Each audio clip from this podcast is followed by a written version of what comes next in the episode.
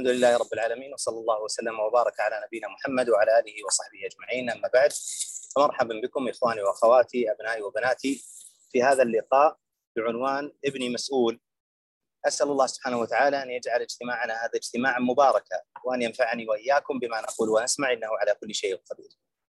إخواني وأخواتي أبنائي وبناتي يشكو الكثير من الآباء والأمهات اليوم من أن أولادهم لا يتحملون المسؤولية. ولا شك أن الوالدين يتحملون جزءا كبيرا من هذه الإشكالية. بل إن ابن القيم رحمه الله تعالى ذكر إن أكثر فساد الأولاد سواء كانوا ذكورا أو اناثا أنه من جهة الوالدين. فتحمل المسؤولية والقدرة على تحمل المسؤولية جزء من الذي ينبغي أن نربي عليه أولادنا. وقبل أن أدخل في الكلام عن هذا الموضوع أحب أن أذكر بمعنى المسؤولية، ما المراد بتحمل المسؤولية؟ ما المراد حينما نقول إن أولادنا يتحملون المسؤولية عندهم قدرة على تحمل المسؤولية. المراد بتحمل المسؤولية أي القدرة على القيام بالواجبات الشرعية والواجبات العرفية والواجبات الدنيوية. أن يكون عند الولد عند الابن عند البنت أن يكون عندهم قدرة على القيام بهذه الواجبات المنوطة بهم سواء كانت واجبات شرعية مثل الصلاة مثل الصيام مثل الصدقة الحج إلى غير ذلك من الواجبات الشرعية أو القيام القدرة على القيام بالواجبات العرفية احترام الأب القيام بحاجات البيت تصليح ما يحتاج تصليح البنت القدرة على الطبخ الغسيل إدارة شؤون البيت. ما يتعلق بالحاجات أيضا القيام بالحاجات الاجتماعية الحاجات الدنيوية.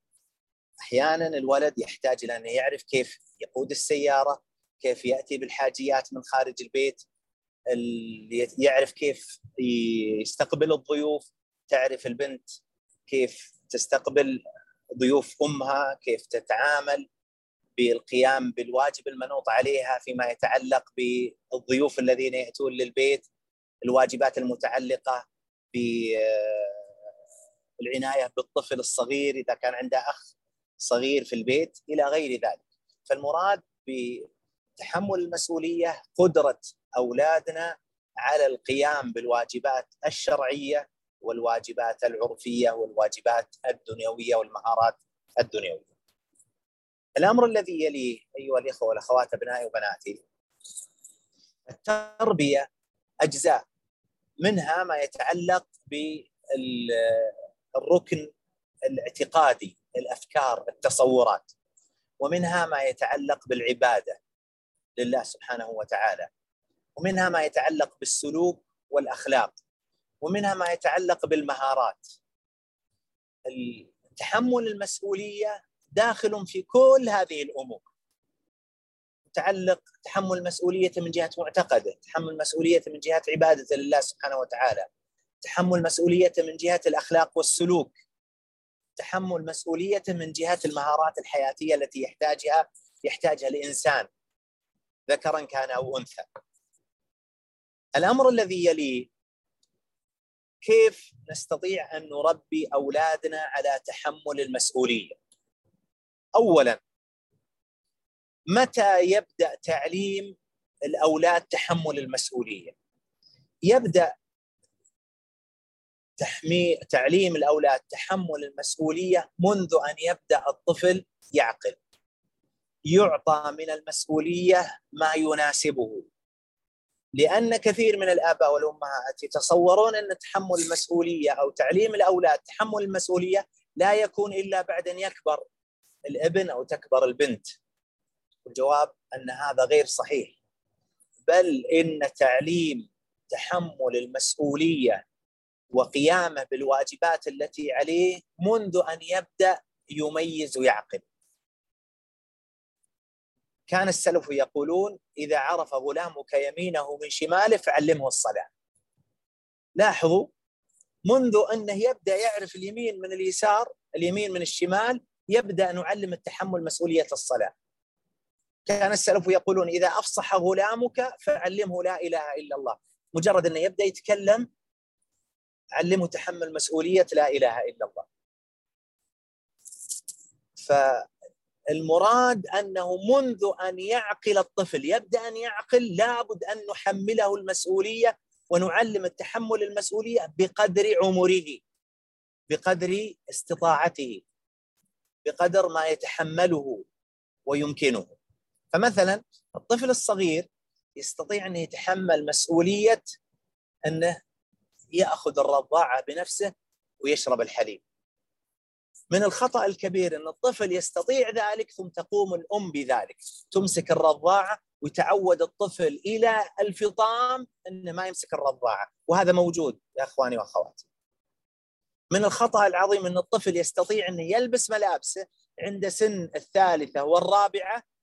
بعض الملابس يستطيع الطفل إنه يلبسها ومع ذلك لا يجعل الوالدين لا يجعل الوالدان الطفل يتحمل هذه المسؤولية. يستطيع الطفل إنه يلبس حذاءه لوحده ومع ذلك يقوم الوالدان بذلك عنه. السبب يقولون لا زال صغيرا.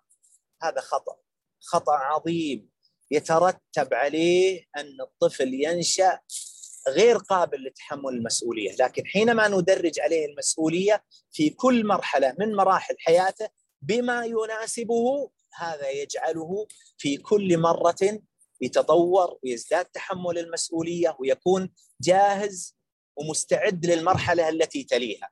أما لو أن تركنا الطفل حتى يبلغ البلوغ خامسة عشرة أو السادسة عشرة ثم فجأة نأتي بجميع المسؤوليات عليه لا يمكن أن يقبل ولا يستطيع أن يقوم بكل هذه المسؤوليات وسيفشل لماذا؟ لأنه لم يتدرب تدربا تدريجيا على تحمل هذه المسؤولية. من فضل الله سبحانه وتعالى أن عندنا في البيت حتى الأطفال كل طفل له قدر من المسؤولية. إذا لوضع الطعام كل الأولاد ولله الحمد والمنه الإناث الصغار والكبار كل شخص منهم له جزء من المسؤولية في وضع الطعام. للأسف أن بعض الأمهات وبعض الاباء جعلوا أولادهم كالأسياد في البيوت وهم خدم لهم بحجة إنهم لا زالوا صغار. ثم يكبرون ويكبرون يتعودون على هذا ويشبون وينشأون على هذا والعياذ بالله. وهذا وهذا خطأ عظيم. اذا الأمر الأول متى يبدأ تحمل المسؤولية؟ يبدأ تحميل الطفل المسؤولية وتعويده على تحمل المسؤولية منذ أن يبدأ أن يعقل. حتى الرضاعة إذا كان يستطيع وهو في سن السنة السنة ونصف يستطيع أن يمسك الرضاعة بنفسه ينبغي أن نحمله هذا الجزء وهذا القدر من المسؤولية وهكذا. الأمر الثاني فيما يتعلق بالمسؤولية لابد أن نحفظ هذه القاعدة أيها الإخوة والأخوات. ونطبقها وهي كل أمر يستطيع الأولاد القيام به. كل أمر يستطيع القيام الأولاد يستطيعون القيام به لأنفسهم أو لوالديهم. إياك أيها الأب وإياك أيتها الأم أن تقومي به. إياكم أن تقوموا بأي شيء يستطيع أولادكم القيام به. بحجة أنكم لا تريدون أن تتعبونهم بمعنى الطفل يريد إفطار. يستطيع الطفل انه يقوم ويصنع له افطارا. في نفس الوقت تستطيع الأم تقوم وتصنع الإفطار. الواجب من الذي يفعله؟ الواجب أن الولد يتحمل مسؤولية نفسه. لأن الذي لا يستطيع أو لا نتركه يتحمل مسؤولية نفسه لا يمكن غدا يستطيع أن يتحمل المسؤوليه المنوطة بنا. مثال ثاني عندي ولد عمره 16 17 18 سنة ويقود السيارة. والسيارة أراد تحتاج صيانة مثلا في المحطة المجاورة للبيت. يستطيع الوالد انه يذهب. وفي نفس الوقت يستطيع الولد انه يذهب. لماذا يقوم الأب بهذه المسؤولية مع قدرة الولد على ذلك؟ ينبغي أن نفهم هذه القاعدة ونطبقها. كل مسؤولية يستطيع الأولاد القيام بها لأنفسهم أو عن والديهم ينبغي الا يقوم بها الوالدان. وهذا ليس من باب الأنانية. أنانية الوالدين لا. وإنما هذا فيه مصلحة الأولاد من جهتين. الجهة الأولى أن تعلمه أن يتحمل مسؤولية نفسه وأن يكون انسانا عصاميا في هذه الحياة. لا أحتاج لأحد. ولا ينتظر أحد أن يساعده وإلا سيفشل في حياته لا. وإنما ينشأ في هذه الحياة وهو يعلم أنه بحول الله وقدرته بتوفيق الله ثم باستعانته بقدراته التي ربي سبحانه وتعالى أعطاه إياها أنه قادر على أن يقوم بهذه الواجبات المنوطة به. والثاني أن نربي أولادنا على بر والديهم. كان السلف يقولون علموا أولادكم البر وحب الخير فإن حب الخير عادة الولد كما أنه يتعلم الصلاة والصيام ويتعلم القرآن ويتعلم العلوم الدنيوية كذلك ينبغي أن نعلمه البر. كيف يبر بوالديه؟ جزء من تعليمنا لأولادنا البر أن نحملهم المسؤوليات التي علينا إذا كانوا يستطيعون القيام بها. البنت تقول الأم تقول لابنتها يلا يا ماما قومي صلحي الشاي. يلا يا ماما قومي صلحي القهوة. يلا يا ماما اليوم تصلحين معي الغداء فإذا تعر... تعودت على صنع الطعام تتركها تصنع الطعام. إذا لم يكن في ذلك ضرر على البنت. يعني أحيانا البنت بيكون عندها اختبار نهائي ويمكن هذا يأخرها لا تصير الأم تساعدها. إذا لم يكن هناك ضرر لا ديني ولا دنيوي على الأولاد فليقم الأولاد بهذه المسؤوليات. الأب يلا وأنا أبوك اليوم إن شاء الله تعالى عندنا سيارة خربانه وتحتاج قطع غيار من المكان الفلاني ثم إذا أخذت قطع الغيار بعدها تروح للورشة الفلانية وخذ وأنا أبوك هذا اللوكيشن وهذا الموقع وهذه الفلوس وتوكل على الله.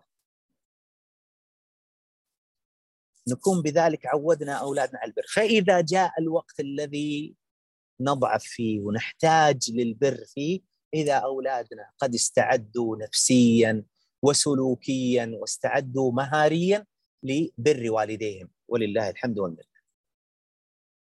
الأمر الذي يليه فيما يتعلق بتحمل المسؤولية لابد أن يكون عند الوالدين قدرة على تحمل أخطاء الأولاد عند تعليمهم وتدريبهم في تحمل المسؤولية. كيف؟ من الطبيعي جدا إن ولدك يخطئ. إذا جي إذا أردت إنك تحمله مسؤولية تقول له افعل كذا مثل المثال اللي قبل قليل الأب قال لولده اذهب إلى قطع الغيار واذهب إلى الورشة الفلانية افرض إن ولدك أخطأ لابد أن يكون عندك سعة بال لتحمل هذا الخطأ يكون عندك منذ البداية علم اليقين أن ولدك لابد أن يخطئ وأنه يتعلم بالخطأ والصواب. ويدخل في ذلك أن ولدك إذا اجتهد فأصاب فله أجران وإذا اجتهد فأخطأ فله أجر واحد. بمعنى أن كثير من الآباء والأمهات للأب للأسف يتسببون على أولادهم في عدم تحمل المسؤولية لأنهم إذا اجتهد الولد فأصاب لا يثنى عليه ولا يشكر. وإذا اجتهد فأخطأ فإنه يثرب عليه ويلام ويكسر والعياذ بالله. وهذا يجعل الولد غير قابل للمبادرة ولا يريد المبادرة.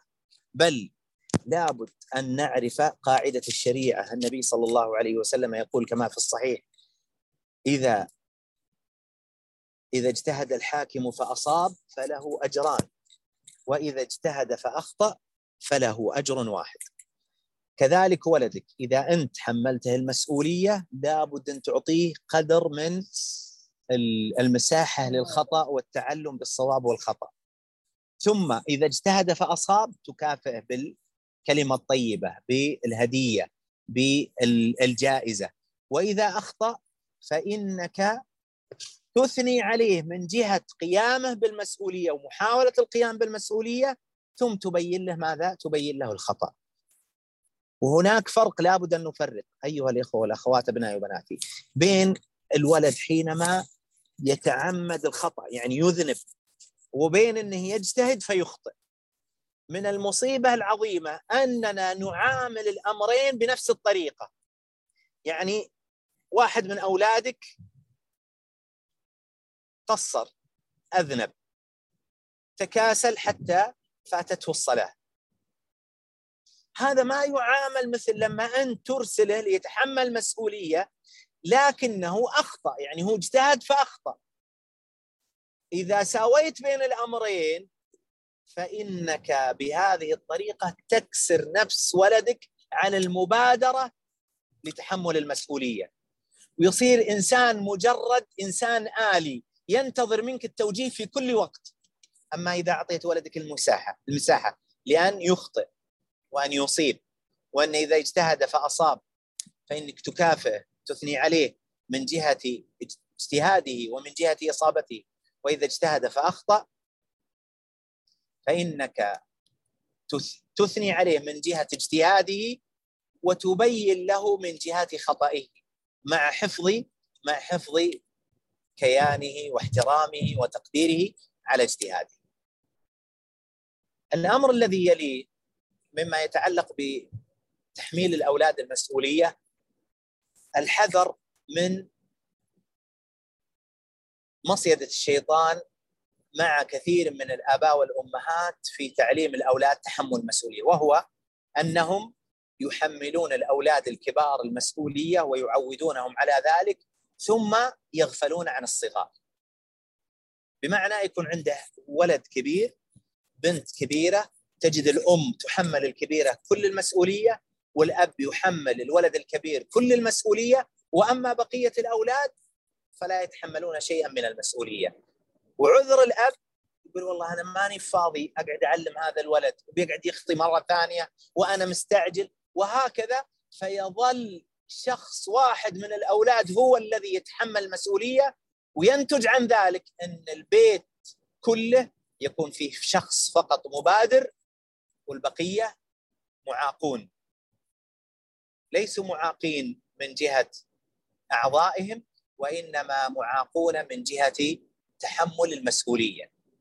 وهذا الذي يسمى صناعة الإعاقة. الأم تجدها ربت البنت الكبيرة تلقاها تطبخ تغسل تقوم بشؤون إخوانها الصغار. وأما أخواتها الأخريات لا. كل واحدة مع جهازها وآيبادها. وكذلك الأولاد والمسؤولية كلها ملقاة على الولد الكبير والبنت الكبيرة.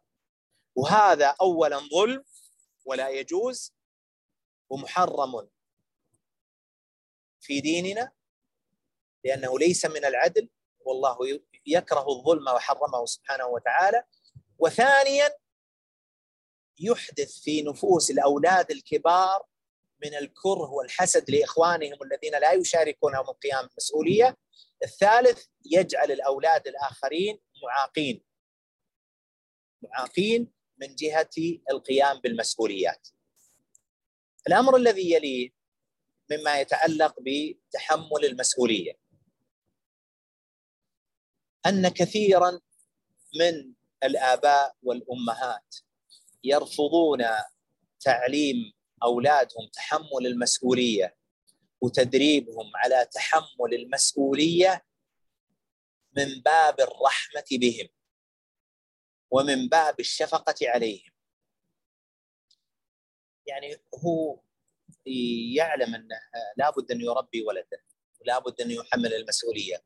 لكن حينما يأتي وليحمل المسؤولية تأتيه العاطفة تأتيه الرحمة غير المحمودة المذمومة. أب عنده ضيوف يجونه الصباح ويلقى عياله نايمين فيرحمهم ما يوقظهم. هذه الرحمة مذمومة. أوقظ أولادك يستقبلون ضيوفك يصبون لهم القهوة والشاهي. الأم قامت الصباح وعندهم ضيوف تقول لا والله ماني مقومة البنات ترحمهم. أيقظي بناتك. يتحملن المسؤولية. لماذا؟ لأننا إذا لم نحملهم المسؤولية رحمة بهم فإنهم غدا سيواجهون المسؤولية ولا يستطيعونها وسيفشلون فالرحمة الحقيقية الرحمة الصحيحة أن نرحمهم أن يواجهوا في يوم من الأيام الحياة وهم لا يستطيعون تحمل المسؤولية. إذا البنت غدا جاء زوجها وعنده ضيوف وما استطاعت أنها تستيقظ. لماذا؟ لأنها ما تعودت على ذلك في بيتها. الولد تزوج وصار عنده طفل مريض. ويحتاج إلى أن يخرج به في الصباح الباكر أو آخر الليل. ما تعود يتحمل المسؤولية. النهاية الزوج يزهد في هذه البنت والزوجة تزهد في هذا الولد ثم يحصل الطلاق والفراق. السبب أن الوالد والوالدة قد جنوا على هذين الولدين بأنهم كانوا يرحمونهم في عدم تحميلهم المسؤولية. ومن أسباب عدم تحميل المسؤولية الخوف الزائد على الأولاد. الخوف الزائد على الأولاد. الأم تخشى على بناتها أنها تدخل المطبخ. والله أنا أخاف عليها من الأجهزة الكهربائية، أخاف عليها من الفرن. أخاف عليها من الزيت، أخاف عليها من الماء الحار. والنتيجة لا تدخلين يا بنتي المطبخ لا تشتغلين في البيت لا تمسكين مكنسة ولا غسالة. والولد والله أخاف على الولد إنه يطلع للبقالة. أخاف على الولد إنه يأخذ الحاجيات من السوبر ماركت. أخاف على الولد إنه يروح للورشة. ثم بعد ذلك ينشأ الابن والبنت جبناء معاقون من جهة المسؤولية لا يستطيعون مواجهة المجتمع ولا يستطيعون تحمل المسؤوليات فينتج عندنا أولاد معاقون فاشلون والعياذ بالله. لا أدعو إن الأب والأم لا يخافون على أولادهم، هذه فطرة وغريزة، نحن نتكلم عن الخوف الزائد المقعد للوالدين عن تحميل أولادهم المسؤولية لدرجة ان بعض الأباء والأمهات يخافون على أولادهم فلا يحملونهم مسؤولية الخروج لصلاة الجماعة. والله الأم تخاف على ولدها. عمره ثمان تسع عشر 12 15 16 ما تبي ولدها يطلع صلاة الجماعة. ليه؟ والله خاف عليه. وش النتيجة؟ النتيجة أن يكون الولد في النهاية لا يستطيع أن يتحمل هذه المسؤولية التعبدية بينه وبين الله سبحانه وتعالى. وعلى هذا فقس. فينبغي للأب والأم أن لا يوقعهم الشيطان في هذه المصيدة. لا من جهة الرحمة الزائدة والغلو في الرحمة ولا من جهة الخوف الزائد على الأولاد. الأمر الذي يليه بعض الوسائل المعينة على تحميل وتدريب الأولاد على على المسؤولية.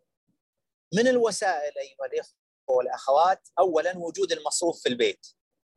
إنك تجعل لأولادك مصروفا بدل ما تعطيهم كل يوم خمسة ريال أو ريالين أو ثلاثة ريال تعطيهم تقيس كم يحتاجون كل يوم للمدرسة في نهاية الأسبوع ثم تعطيهم المصروف من أول الشهر وتجعلهم ماذا؟ تجعلهم يعرفون كيف يتصرفون في المال كيف يدخرون كيف يقسمون المال على الأسبوع الأول والأسبوع الثاني والأسبوع الثالث والأسبوع الرابع وتجعل لهم خطة تساعدهم على ذلك.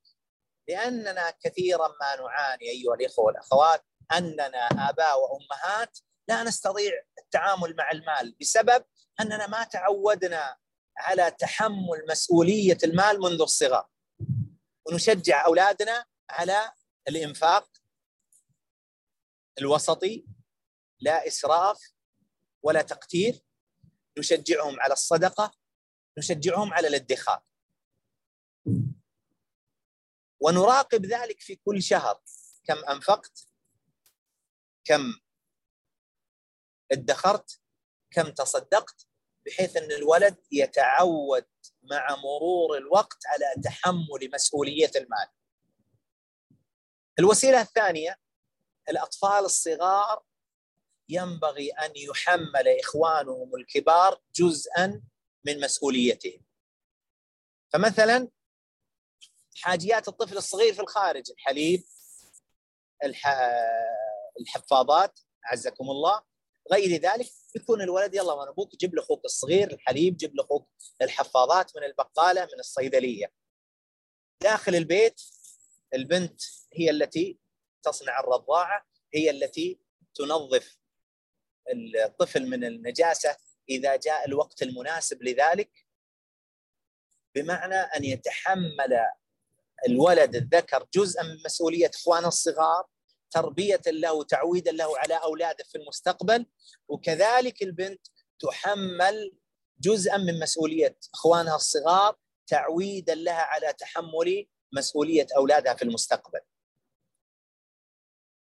من الوسائل المهمة فيما يتعلق بتحمل المسؤولية. من الوسائل في ذلك ما يتعلق بخروج العائلة للنزهة. والله يا إخواني وأخواتي يا ابنائي مما يدمي القلب. أحيانا نتصادف أن نخرج نزهة للبرية أو المنتزهات اللي تجمع العوائل. مما يدمي القلب انك تجد الأب هو الذي ينزل الأغراض يفرش الفرشة.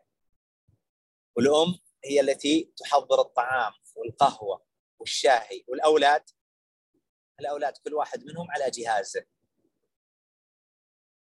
وربما لا يستطيع أن يمد يده لابد أن يقرب إليه القهوة أو الشاي أو الطعام حتى يتناوله. وانعكست المفاهيم الشرعية والعرفية عندنا اليوم بسبب الآباء والأمهات الذين قصروا في تربية أولادهم. إذا طلعتم نزهة كونوا أنتم الأسياد وأولادكم علموهم بركم أن يخدموكم. وليس عيبا. ليس عيبا أن أولادك يخدمونك. ليس عيبا أن أولادك هم الذين يتكفلون بكل أمور النزهة. من البيت الخروج من البيت إلى الرجوع إليه. الإعداد والترتيب والتحميل والتنزيل صنع القهوة والشاي والطعام. ثم بعد ذلك رفع الأغراض إلى السيارة وتنظيف المكان. ويكون الأب والأم مجرد مشرفين. أما ما نشاهده اليوم من انقلاب الأفكار وانقلاب التصورات وانقلاب المفاهيم حتى صار الأولاد هم الأسياد وصار الآباء والأمهات مجرد خدم عند أولادهم. إنا لله وإنا إليه راجعون.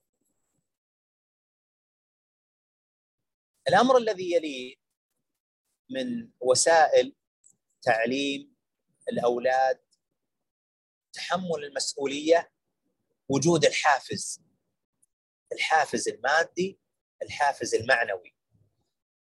يا إخواني وأخواتي الحافز قد يكون قبلة قد يكون ضمة قد يكون كلمة شكر قد يكون دعوة قد يكون ثناء أمام إخوانه وأخواته قد يكون ثناء أمام الجدة أو العم أو الخال أو الخالة أو الجد.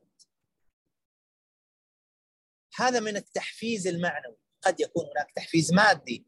تقول لأولادك الذي يقوم بهذه المسؤولية ترتيب آه، أغراضه الشخصية في غرفة النوم. إذا كان رتبها لمدة شهر هذا اليوم أن سأجعل لكم مسابقة. والأم هي المشرفة. أحسنكم ترتيبا أنا أعطيه جائزة الجائزة الفلانية. كان أصحاب النبي صلى الله عليه وسلم يعلمون أولادهم تحمل مسؤولية الصيام حتى إذا بكوا أعطوهم اللعب من العهن يتلهون بها فما بالكم إذا الأب والأم فيما يتعلق بتحمل المسؤولية أن يكافئ وأن يعطي الهدية وأن يعطي الجائزة وأن يجري المسابقة داخل بيته. الأمر الذي يليه مما يتعلق بوسائل عملية لتعويد الأولاد تحمل المسؤولية تقسيم شؤون البيت على الأولاد. وأن ما يكون الأمر مجرد ماذا؟ مجرد مثل إن صح التعبير سبهلله يعني يوم هذا ويوم هذا ويوم هذا لا من أفضل ما يتم به تعويد الأولاد على تحمل المسؤولية وجود خطة واضحة وبينة في تقسيم الأعمال. أذكر لكم بفضل الله وجوده وكرمه وإحسانه عندي ما يتعلق بالبنات. مساعدتهم لأمه. مقسم البيت كان عندنا ما يتعلق بالطفل الصغير وما يتعلق أعزكم الله بتنظيف الحمامات وما يتعلق بتنظيف البيت محل الجلوس الصالة وما يتعلق بالمطبخ.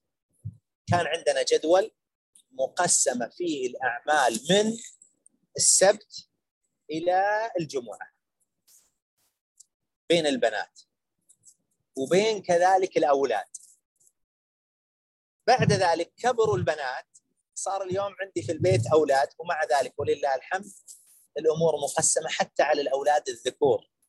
حتى بفضل الله وجوده وكرمه وإحسانه ما يتعلق باخوهم الصغير إعداد الرضاعة له أو إعداد آه، يعني يلبسونه ملابسه. مع إنه اخوان مع إنهم مع إن الطفل الصغير عندنا اخوانها ذكور لكنهم يساعدون أمهم في مثل هذه الأمور.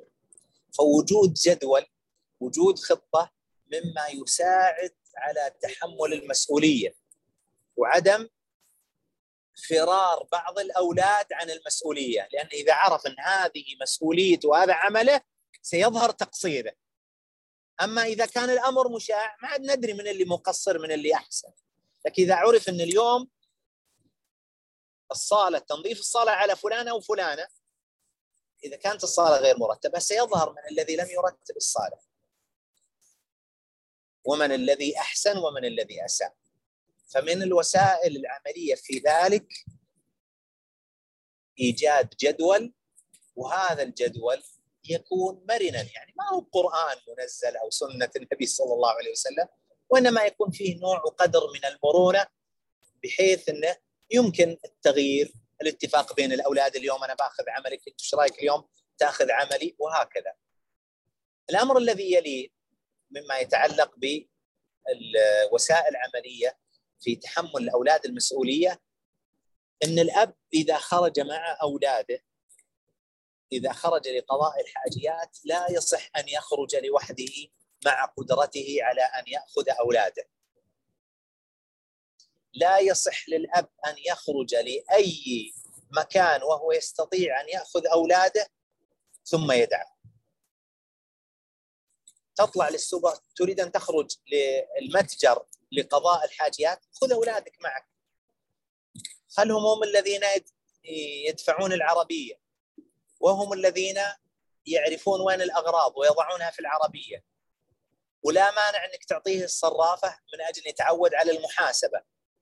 المرة الأولى، المرة الثانية، المرة الثالثة تجلس أنت في السيارة وينزل أولادكم الذين يقضون الحاجيات.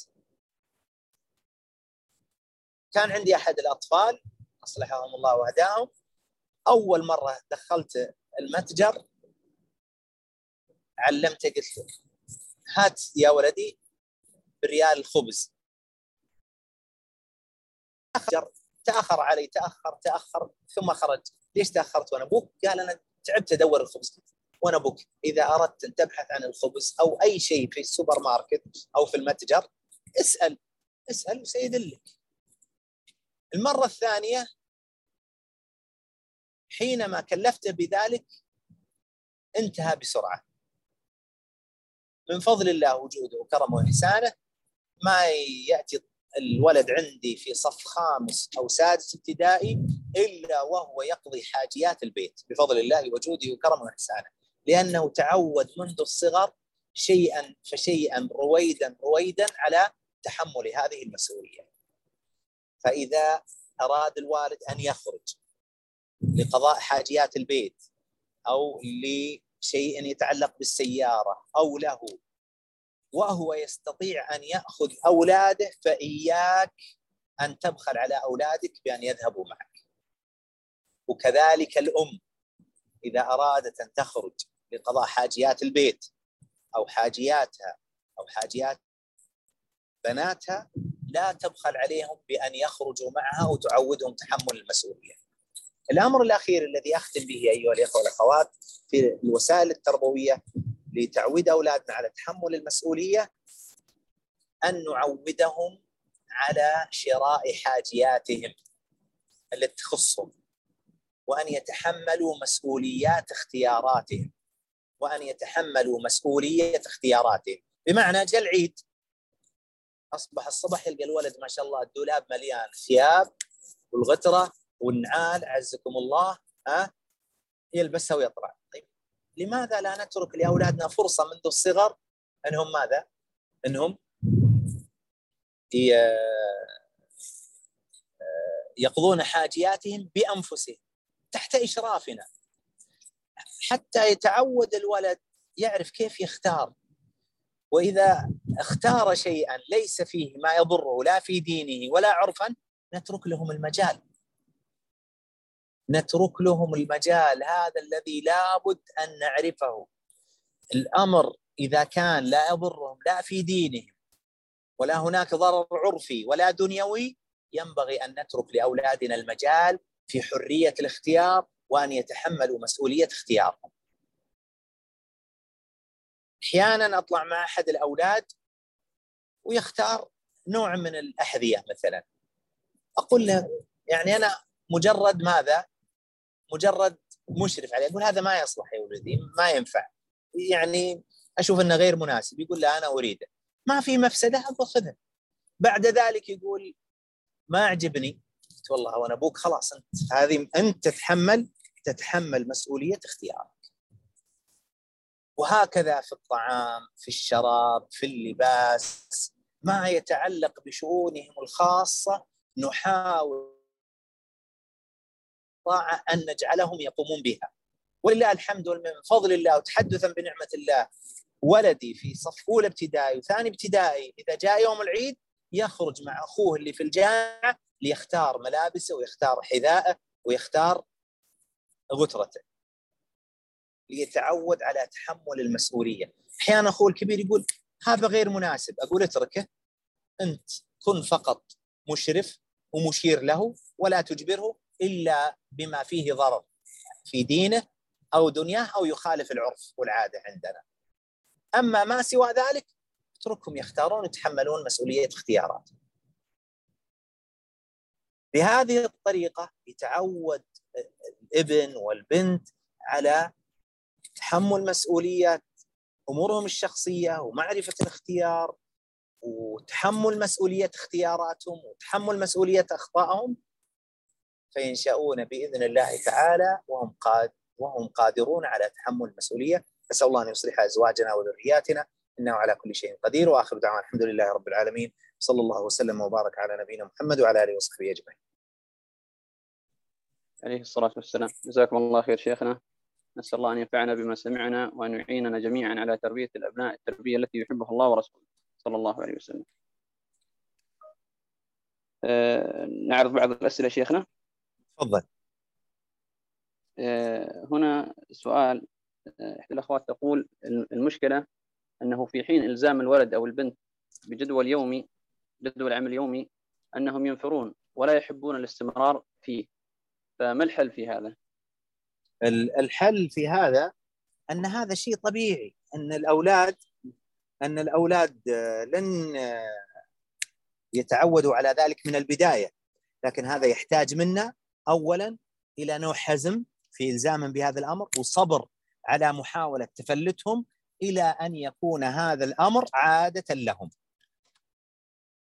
كل العادات تبدأ بالممانعة ثم بالقبول ثم بالتعود ثم بعد ذلك تكون جزءا من حياتهم وليس صحيح أن بمجرد أن الولد يرفض أو ينفر أن نترك الأمر له لا لابد أن نعرف أن في التربية ما يسمى بالإلزام. ليس كل التربية مردودة إلى الاختيار يعني والله ودك يا ولدي ولا ما ودك؟ لا.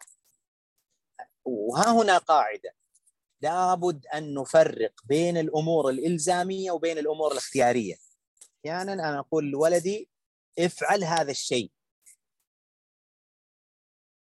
فيقول آه، لكن فأنا أقول له يا ولدي أنا لم أشاورك أنا إذا شاورتك أعطني رأيك أما إذا أمرتك فنفذ هذا الأمر الأول الأمر الثاني مما يهم في هذا المجال في تحمل مسؤولية أن الأولاد أحيانا يتهربون بمسألة إيش؟ أنهم ما يعرفون يقول لك والله ما أعرف أسوي هذا الشيء.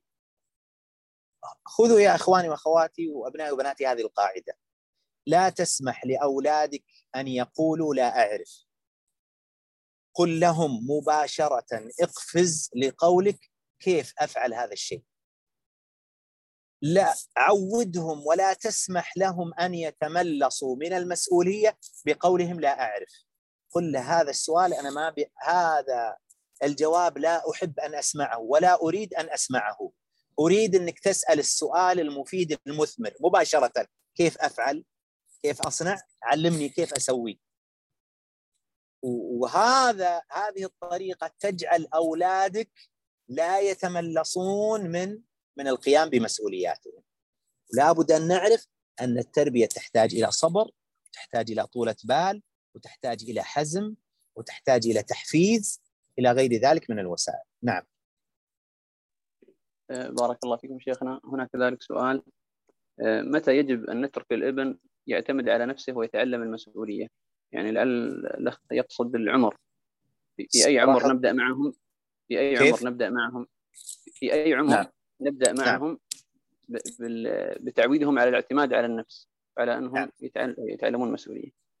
منذ أن يبدأ يستطيع انه يحمل الرضاعة تبدأ تحمله المسؤولية في انه يحمل الرضاعة.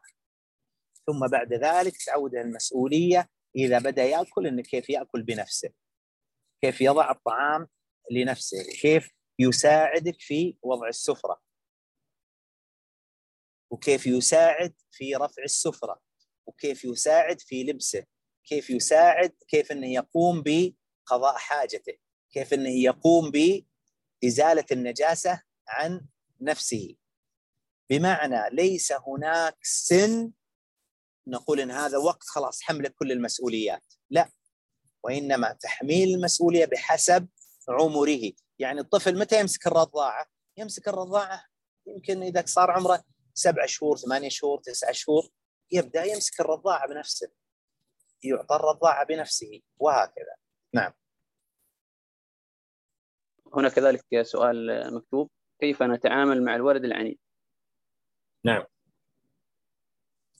كيف نتعامل مع الولد العنيد؟ هذا السؤال يحتاج إلى محاضرة وسبق أن تكلمنا عنه في محاضر بعنوان حل مشاكل الأولاد كيف نتعامل مع الولد العنيد. لكن أريد أن يعني يعني أعرج على أمر ضروري أن الولد العنيد من الذي جعله عنيدا ويتعود على العناد؟ هم والداه. كيف؟ الولد وهو صغير جرب أنه حينما يرفض تحقيق أو تنفيذ الأوامر أنه يحصل ما يريد. إذا لم يمتثل للواجبات وعاند ترك. وإذا عاند على فعل الممنوعات ترك. حق. الواجبات أو تجرأ على فعل الممنوعات بسبب العناد إنه يترك. قال والله هذا الولد معاندي خلاص خلوه بس. منذ أن يكون صغيرا وعمره ماذا؟ عمره السنة. يتعود يتعود يتعود ويكبر عنده العناد لأنه وجد أن هذا العناد يحقق له ما يريد. عناده يجعله ما يمتثل للواجبات. عناده يجعله يفعل الممنوعات والوالدان مقران وساكتان. بسبب إيش؟ قال والله الولد معاند. نحن الذين ربينا العناد في الولد.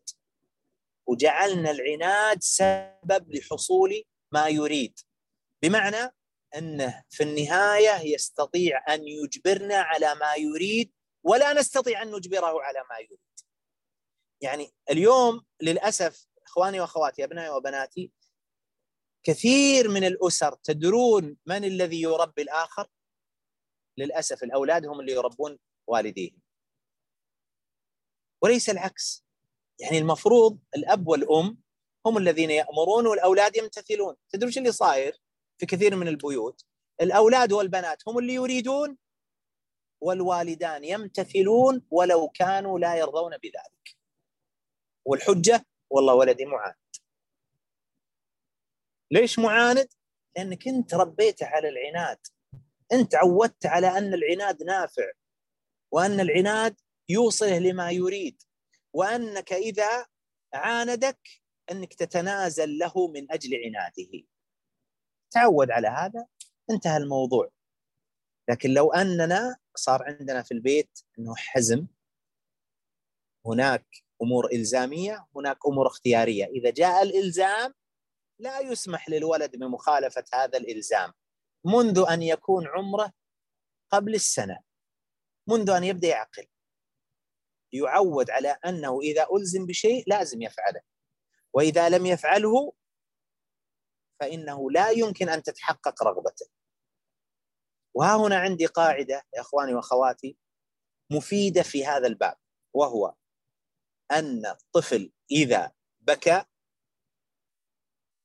أو أفسد لا يمكن أن يحصل ما يريد. بمعنى يعني أحيانا طفل يقول مثلا أنا أبغى الحاجة الفلانية أبغى عصير الفلاني. أبوه قال له بعدين يبدأ يصيح. يبكي. عندي قاعدة ولله الحمد في البيت إن الطفل إذا بكى يستحيل أن يحصل ما يريد.